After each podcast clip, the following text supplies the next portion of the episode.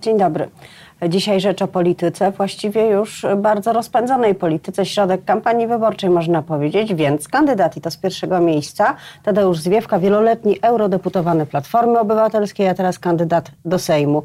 Znudziła się panu Bruksela? Woli pan przenieść się do wspaniałej krajowej polityki e, merytorycznej, zrównoważonej? Inaczej.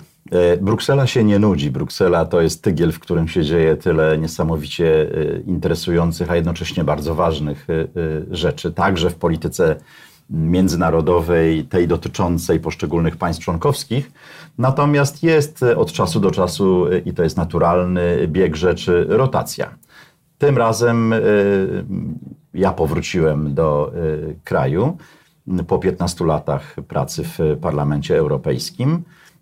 I przewodniczący Platformy Obywatelskiej Grzegorz Schetyna zaproponował mi rzeczywiście udział w wyborach do naszego krajowego parlamentu. Zresztą, kiedy była konwencja przed wyborami europejskimi w maju, odbywająca się w Bydgoszczy, Grzegorz powiedział, że potrzebuje mnie w Polsce. I to się teraz materializuje ale skoro mówimy o rotacji, to skutek to miało także taki, że pan z kolei wyrotował Krzysztofa Brejzę, który y, miał kandydować z pierwszego miejsca w pana okręgu, będzie kandydował do Senatu. Y, on mówi, że sam y, zgłosił pana osobę, ale powiem szczerze, te przekonywania no, brzmią troszkę jak zamawianie rzeczywistości.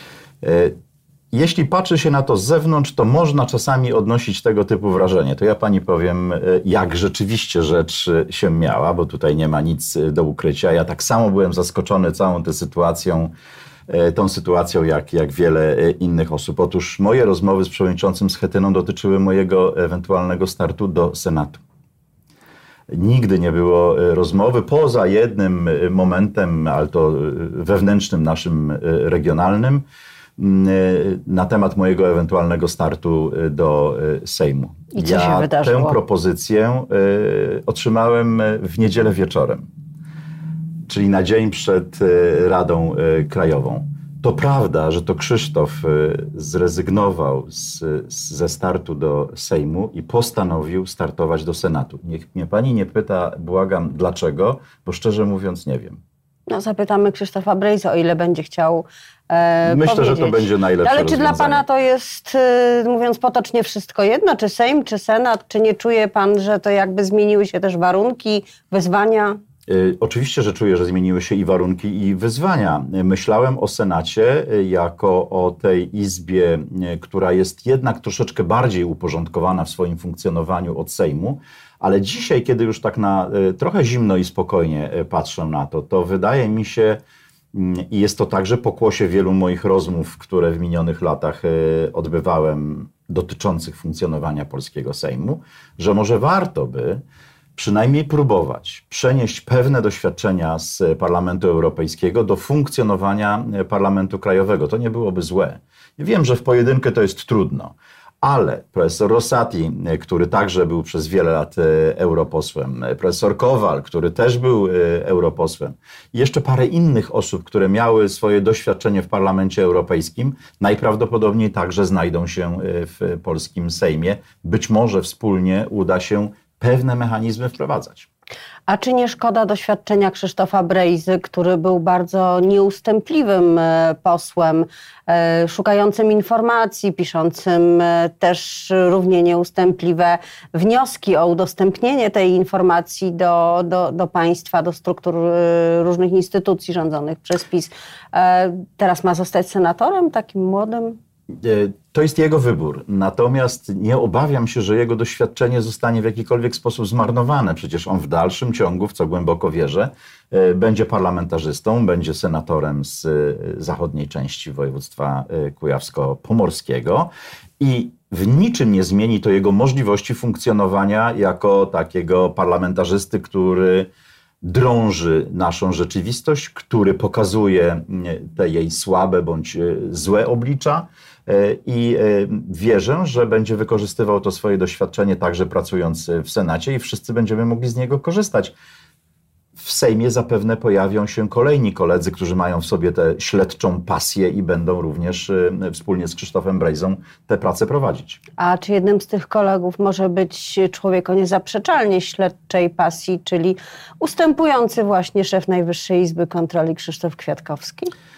Y, Były poseł PO. Krzysztof Kwiatkowski, y, były minister sprawiedliwości, były, były poseł, osoba, którą niezwykle szanuję i cenię, będzie absolutnie fantastycznym wzmocnieniem polskiego parlamentu, dlatego że jego uczciwość i jego rozsądek w podejściu do trudnych spraw będą bardzo potrzebne. Czy y, jest y, pan y, Krzysztof Kwiatkowski stworzony do działań takich śledczych typu działania prowadzone przez Krzysztofa Brejzę? Trudno jest mi powiedzieć, ale na pewno, na pewno jako wieloletni prezes Najwyższej Izby Kontroli ma już w sobie też ten gen widzenia zła i pokazywania A skąd będzie zła. kandydował? Z jakiego okręgu i z jakiego miejsca? Nie jestem w stanie pani powiedzieć. E, w takim razie zastanówmy się, jak ten e, Sejm będzie wyglądał, Sejm i Senat. Zacznijmy od Senatu, bo e, był taki pomysł, który chyba zgłosił jako pierwszy senator Marek Borowski, żeby opozycja od prawa do lewa miała wspólnych kandydatów do Senatu. W ten sposób być może uda się przekroczyć magiczne 50% i rzeczywiście uprzykrzyć życie y, władzy, y, jeśli ta władza należałaby znowu do Prawa i Sprawiedliwości. Ale wczoraj Platforma ogłosiła swoich kandydatów, to znaczy, że nie ma wspólnych list opozycji do Senatu. Ogłaszając kandydatów Platformy Obywatelskiej do Senatu, Grzegorz Schetyna jednocześnie poinformował, w jaki sposób zostały przeprowadzone rozmowy z naszymi partnerami z pozostałych ugrupowań opozycyjnych. Nie ma wspólnej listy jako takiej, przy okręgach jednomandatowych porozumienie, które zostało zawarte, e, dotyczące rozdziału e, okręgów, a jest ich 100, pomiędzy e, poszczególne ugrupowania, by nie prezentować swoich kandydatów i nie umieszczać swoich kandydatów w tych okręgach jednomandatowych przeciwko jeden drugiemu, jeśli mówimy o ugrupowaniach opozycyjnych, jest bardzo dobrym rozwiązaniem. I e, porozumienie to zakłada, że 80 e, okręgów mandatowych będą kandydaci Platformy Obywatelskiej i 20 okręgów będą to kandydaci e, Koalicji Polskiej oraz Lewicy. A kto te proporcje ustalił, wymyślił to były rozmowy, i obgadał? To były rozmowy, które były prowadzone pomiędzy poszczególnymi Czyli jest na to zgoda tamtych partnerów, którzy dostali 20%? Jest taka zgoda.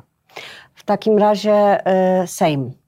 Ze wszystkich sondaży wynika, że y, Prawo i Sprawiedliwość, nawet gdyby założyć powstanie po stronie opozycji, koalicji jakiejś złożonej e, z koalicji obywatelskiej, PSL-u z Kukizem, czy też lewicy, no różne te układy są możliwe, y, to nawet wtedy Prawo i Sprawiedliwość jednak ma większość i rządzi nadal, czyli krótko mówiąc, opozycja nadal jest y, w opozycji. Czy wy się już z taką wizją pogodziliście? Czy mm, czuje pan ducha walki ja nie znam ugrupowania politycznego, które godziłoby się z wizją porażki przed y, wyborami. Oczywiście, że jest Pan duch po wyborach walki. europejskich troszkę tego ducha brakowało. Bardzo wiele osób zaczęło mówić, właśnie musimy się zastanowić nad Senatem, będziemy w opozycji dalej, trzeba się na to przygotować. Różne głosy słyszałem, różne opowieści, ale patrzmy na realia, którymi, y, które, które y, mamy do dyspozycji i które pokazują nam, jaką drogą ewentualnie powinniśmy pójść. Wybory europejskie, zbudowanie wielkiej koalicji, Koalicji Europejskiej, pokazało nam, że chyba nie tędy jest droga w walce z e, takim silnym blokiem e, zjednoczonej pisowskiej prawicy. Dlaczego? Dlatego, że w moim głębokim przekonaniu y, wielu wyborców pogubiło się w rozumieniu poparcia dla wybranych przez siebie idei, dla wybranych przez siebie partii politycznych. Nie jesteśmy jeszcze jako społeczeństwo, choć już bardzo mocno wyedukowani w demokratycznych y, zasadach funkcjonowania państwa, szczególnie w kwestii wyborów. Tutaj cieszy ogromny wzrost y, frekwencji, ale nie jesteśmy chyba jeszcze gotowi na tak zwane wielkie koalicje, jak na przykład Niemcy. Kiedy jest problem, tworzą wielką koalicję, chociaż programy y, lewicy i i, i, prawicy niemieckiej są przecież bardzo, bardzo różne. Ale dla dobra państwa e, taka wielka koalicja e, już niejednokrotnie, podobnie jak i teraz w Niemczech, funkcjonowała. My wciąż jeszcze jesteśmy przywiązani do pewnych idei i wartości, które prezentują poszczególne partie polityczne. W związku z tym myślę, że wyborcy PSL będą bardziej zadowoleni, kiedy mają PSL, partię, na którą chcą głosować, oddzielnie. Wyborcy lewicy bardziej będą zadowoleni, kiedy czytelna lewica będzie oddzielnie i wyborcy centrowi, chadeccy, który, którzy mają e, Platformę Obywatelską i e, Koalicję Obywatelską, też będą wiedzieli, że to jest e, czytelny przekaz. Natomiast powinna i to ma miejsce być zapowiadana, a następnie kontynuowana współpraca koalicyjna. Ale przez jest długi czas... Jest możliwe, dodam jeszcze ostatnim zdaniem, jest możliwe, że te ugrupowania mogą zdobyć większość w nowo wybranym parlamencie. Jest możliwe, to wynika y, także z systemu Donta, chociaż bardzo trudne, y, bo zależy od różnicy, która będzie między pierwszym a drugim trudne, zawodnikiem. Kiedy są Im większa, zbliżone, tym gorsze y, proporcje. Kiedy zbliżone są wyniki poszczególnych ugrupowań, czyli ugrupowań rządowych i ugrupowań opozycyjnych. Ale po to są kampanie, po to są wybory, aby starać się to zmienić. Ale przez długi czas politycy Platformy, ale także komentatorzy, którzy ewidentnie sprzyjają e, Platformie Obywatelskiej. Powtarzali, że tylko wielka koalicja. PSL był bardzo krytykowany za to, że próbuje iść samodzielnie. Także takie dość niepochlebne komentarze były po decyzji Włodzimierza Czarzastego, który w końcu powiedział, dobrze, to to trudno, to ja już pójdę sam, Platforma mnie nie chce. E, cały czas była ta mowa o wielkiej koalicji i nagle to wszystko się okazało niepotrzebne. Pan mówi teraz, że być może lepiej, że jest tyle list. To jest moje prywatne zdanie. Ja nie prezentuję tutaj e, zdania Platformy, nie prezentuję zdania e, moich kolegów i koleżanek. Ja tak odbieram tę całą sytuację i myślę, że krytykowanie PSL-u, czy krytykowanie e, SLD, czy krytykowanie Platformy też w tym kontekście nie jest e, do końca uzasadnione. Wciąż życie polityczne w Polsce jest niezwykle dynamiczne. Wciąż jesteśmy w sytuacji, kiedy chcemy tak naprawdę bronić funkcjonowania demokratycznego państwa prawa. E, to demokratyczne państwo prawa dzisiaj jest pod wieloma znakami zapytania. E, to jest spowodowane wieloma działaniami przeciwko konstytucji, przeciwko e, praworządności, przeciwko różnego rodzaju wolnościom, które powinny być niezagrożone ze strony obozu rządzącego. Model, jaki zostanie wybrany, jest naprawdę y, y, wynikiem różnego rodzaju postrzegań y, ze strony naszych wyborców. Dlatego ta ocena z mojej strony wygląda tak, jak ją przedstawiłem. Czyli wydaje mi się, że wyborcy są jednak bardziej przywiązani do czytelnych podziałów niż do wielkiej koalicji, w której utopi się pewnego rodzaju różnice i wartości, którymi się kierujemy. Niech kwitnie sto kwiatów, a przynajmniej trzy. Niech kwitną. E, ja głęboko w to wierzę, że opozycja dzisiaj już nie naskakująca na siebie, tylko idąca, jeśli nie blokiem, to przynajmniej koalicyjnym czy porozumieniowym e, frontem do tych e, wyborów, wygra z PiSem i doprowadzi do sytuacji, w której będziemy mogli znowu mówić o Polsce wolnej od dyktatury. Prawo i Sprawiedliwość, kiedy przechodzi na poziom takiej dyskusji bardziej programowej, co też się zdarza. Mam nadzieję, że, że będzie się zdarzało coraz częściej, że ta mm, dyskusja i debata kampanijna będzie miała takie oblicze. Mówi tak, e, my wykonaliśmy parę rzeczy, spełniliśmy kilka obietnic, oczywiście jeszcze nie wszystkie, ale trzeba nam dać e, kolejną szansę, wtedy już na pewno wszystko dokończymy, a Platforma Obywatelska, partie, które z nią idą są niewiarygodne i ta niewiarygodność ten brak wiarygodności jest e, chyba jednym z głównych oręży w dyskusji na temat programów, obietnic. Czy Platforma ma pomysł na to, jak z tą łatką niewiarygodnej, mało wiarygodnej walczyć? Jest to szalenie trudne w sytuacji, kiedy media publiczne w Polsce są właściwie upartyjnione i są tubą e, propagandową jednej partii politycznej. Dlatego tak niezwykle ważne jest, by chronić media niezależne, by one mogły prezentować e, obiektywny e, wizerunek e, sytuacji w naszym kraju, na świecie. Niestety, przez wiele lat, a właściwie przez cały okres rządów koalicji Platformy Obywatelskiej i PSL, będąca wówczas w opozycji PiS, stosowała jedną retorykę kłamcy, złodzieje, oszuści, niewiarygodni itd., tak itd. Tak kiedy rzeczywistość była zupełnie inna. Proszę sobie przypomnieć, e, kiedy e, w 2011 roku e, PiS wyszedł ze swoim wielkim pomysłem na kampanię wyborczą Polska w ruinie.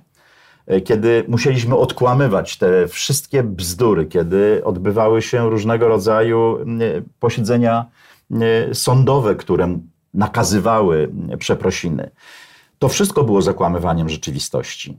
Ale to pozostało. Ten wizerunek w wielu miejscach to pozostało. I to pozostał. jest dla mnie zadziwiające, jak można różnie postrzegać rzeczywistość. Przecież kiedy idziemy przez naszą miejscowość, dużą, małą, niewielką, średnią, widzimy w jaki sposób ona się y, zmienia. Y, kiedy mamy normalnie funkcjonującą pamięć i pamiętamy, jak trudny był okres y, od 2008 roku, kiedy zaczął się gigantyczny kryzys, pierwszy właściwie, który dotknął nas y, od czasu y, wejścia Polski do struktur gospodarki wolnorynkowej.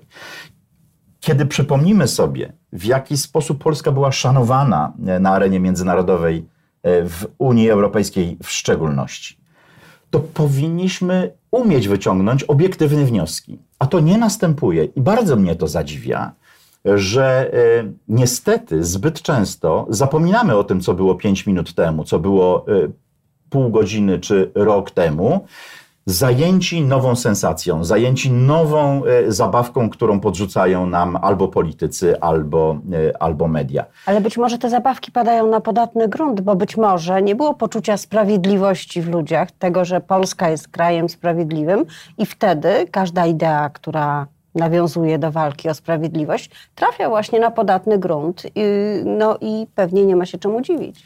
Nigdy nie należy się dziwić, że idea budowania sprawiedliwości, sprawiedliwego państwa yy, pada na podatny grunt, bo tak powinno być. To jest, tak było z reprywatyzacją na przykład w Warszawie, prawda? Się, to jest jeden z takich tematów. Wszystko się zgadza. Reprywatyzacja nie tylko w Warszawie, ale w ogóle e, cały proces e, reprywatyzacyjny został wykorzystany jako oręże przeciwko wolnorynkowej gospodarce i tym ugrupowaniom, e, czy personalnie przeciwko Leszkowi Balcerowiczowi i mhm. wielu innym politykom, że oto rozgrabiona została Polska, co jest kompletną bzdurą. Ale było co wykorzystać, czyli było poczucie niesprawiedliwości w ludziach, były te pozamykane zakłady, opuszczone PGR-y, to się gdzieś odłożyło, nawarstwiło.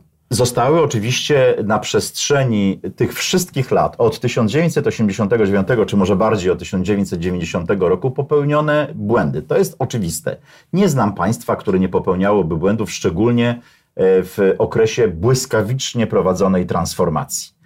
E, nie wszyscy zauważali, w których momentach czy w których miejscach należałoby postąpić e, inaczej. To dotyczy chociażby owych E, popgierowskich miejscowości czy osiedli, gdzie ludzie zostali pozostawieni samym sobie. Tyle tylko, że przypisywanie całej tej piramidy różnego rodzaju błędów i nie najlepszych posunięć ugrupowaniu politycznemu, które powstało zdecydowanie później, to jest nieuprawniona propaganda i jest to oczywista nieprawda. Nie wiem, w jaki sposób należy postępować, żeby prostować to myślenie. To może pokazać tylko działanie, bo tylko w działaniu rzeczywiście możemy się sprawdzać. To, co zrobił PiS, jest oczywiście majstersztykiem. No, rozdanie przed wyborami, e, przed czterema laty 500 zł e, na, e, na dziecko było absolutnie PR-owym, wyborczym, doskonałym zagraniem.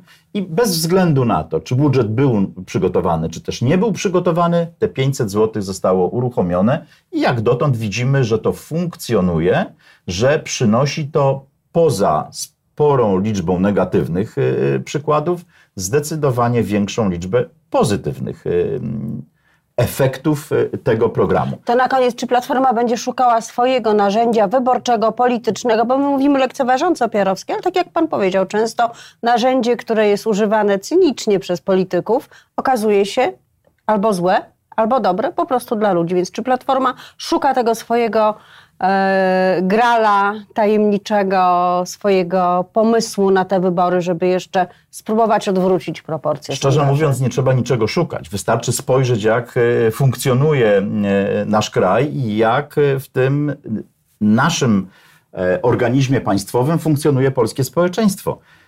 Trzy podstawowe rzeczy. Po pierwsze, e, kwestie, które są związane z niedocenianą przez naszych współobywateli wciąż jeszcze e, zasadą e, państwa prawa i kwestiami praworządności.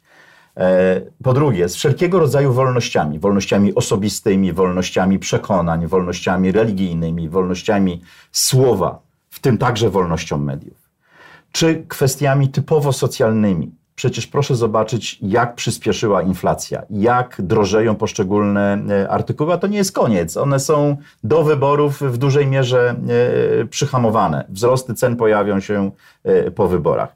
Czy wreszcie, jaki bałagan w dwóch niezwykle podstawowych segmentach naszego życia, czyli w edukacji, a szczególnie w tej podstawowej edukacji, oraz w ochronie zdrowia, to to pokazuje, gdzie Platforma powinna przygotować swoje ostrze wyborcze. No i mamy to ostrze w takim razie już przynajmniej narysowane. Rozumiem, że Platforma, w tym pan, kandydat Plat- Platformy Obywatelskiej, Koalicji y, Obywatelskiej y, z jedynki y, w okręgu bydgoskim, bydgoskim, Tadeusz Zwiewka, że pan to ostrze ma już też przygotowane do ostrzenia. Bardzo dziękuję, Dziękuję za również. rozmowę.